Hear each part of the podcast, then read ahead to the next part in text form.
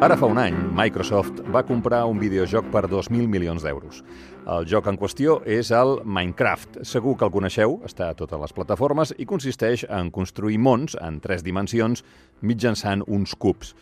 Perquè ens entenguem com un Lego, però per les maquinetes.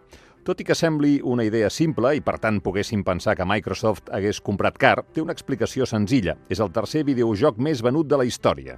Només han venut més còpies dos jocs que també us sonaran, el Wii Sports i el Tetris. El creador del Minecraft és un suec de nom Marcus Persson, nascut a Estocolm al 79. Va començar a programar amb el Commodore del seu pare als 7 anys i ara és multimilionari. I sembla que no li agrada gens aquesta condició. En una sèrie de tuits melancòlics, Marcus Persons va confessar a Twitter fa un parell de setmanes que la seva vida s'ha tornat solitària i totalment buida des que va tancar l'acord per vendre la seva companyia Microsoft. L'última notícia que havíem tingut de Marcus després de la venda va ser que s'havia comprat una mansió de 8 habitacions i 15 banys a Beverly Hills per 70 milions de dòlars. Així doncs, la pregunta és quin sentit té tenir més banys que habitacions? I també, què és el que li passa a aquest pobre noi? Així ho explicava ell mateix a Twitter.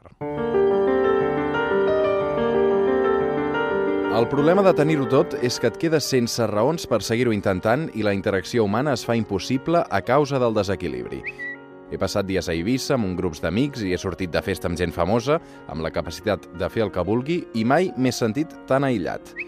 Quan estigui a Suècia m'esperaré, mirant el meu reflex al monitor, que els meus amics amb feines i famílies normals tinguin temps d'estar amb mi.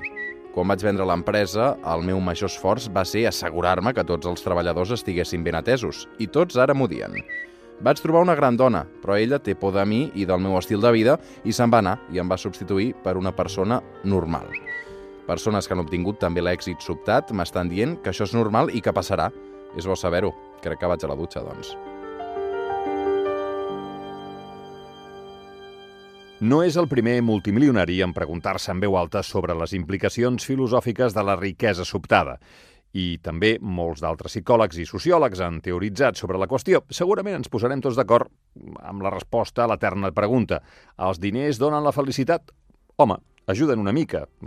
Per què ens enganyarem ara? Ho deia en Woody Allen. Els diners no donen la felicitat, però proporcionen una sensació tan semblant que cal un especialista molt avançat per verificar la diferència.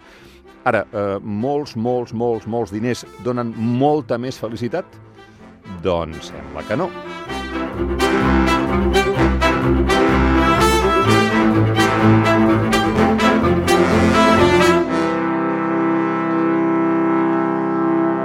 Dadesmòbils.com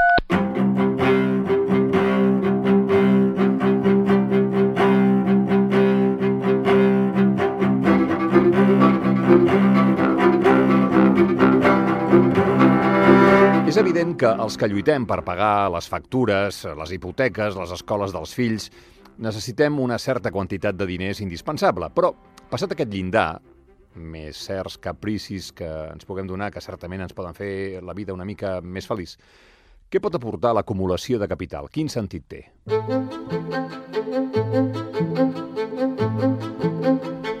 La majoria dels estudis psicològics que s'han fet sobre la qüestió, per exemple en persones que han guanyat la loteria, conclouen que la riquesa no influeix en la felicitat. Tenir molts diners, sobretot si apareixen de sobte, produeixen només pics de felicitat de felicitat sobtada, que no tarden en remetre. Un fet molt curiós que demostren els psicòlegs és que el plaer de guanyar diners no prové pel simple fet de guanyar-los o de tenir-los, sinó per guanyar o tenir més que el veí. Sí, potser costi d'entendre, però els experiments que s'han fet demostren que entre la possibilitat de guanyar més diners, però menys que els nostres amics, i la possibilitat de guanyar menys diners, però més que ells, triem, triem generalment la segona opció. Kevin Kelly, el fundador de la revista Wired, eh, que sovint teoritza sobre qüestions sociològiques, explica que, degut a la seva feina, està molt sovint relacionat amb empresaris multimilionaris i que amb els anys ha entès que la riquesa està sobrevalorada. Com també afirmen els psicòlegs, que li diu que la gent situada per damunt del límit de la pobresa és més feliç que la gent que està per sota, això és evident. Però els veritablement rics no són més feliços que els simplement rics.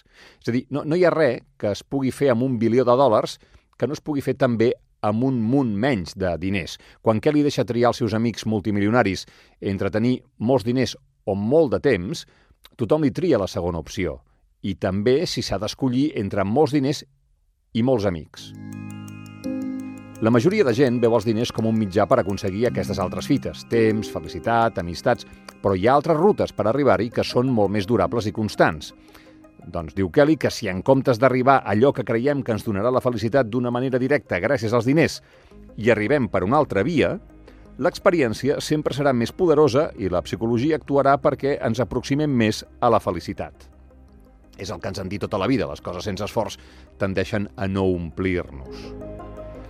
Hi ha una conversa, una mica llegendària, entre Scott Fitzgerald i Hemingway, que ens va perfecte per tancar aquesta qüestió. En certa ocasió, Fitzgerald li va dir a Hemingway els rics no són com nosaltres.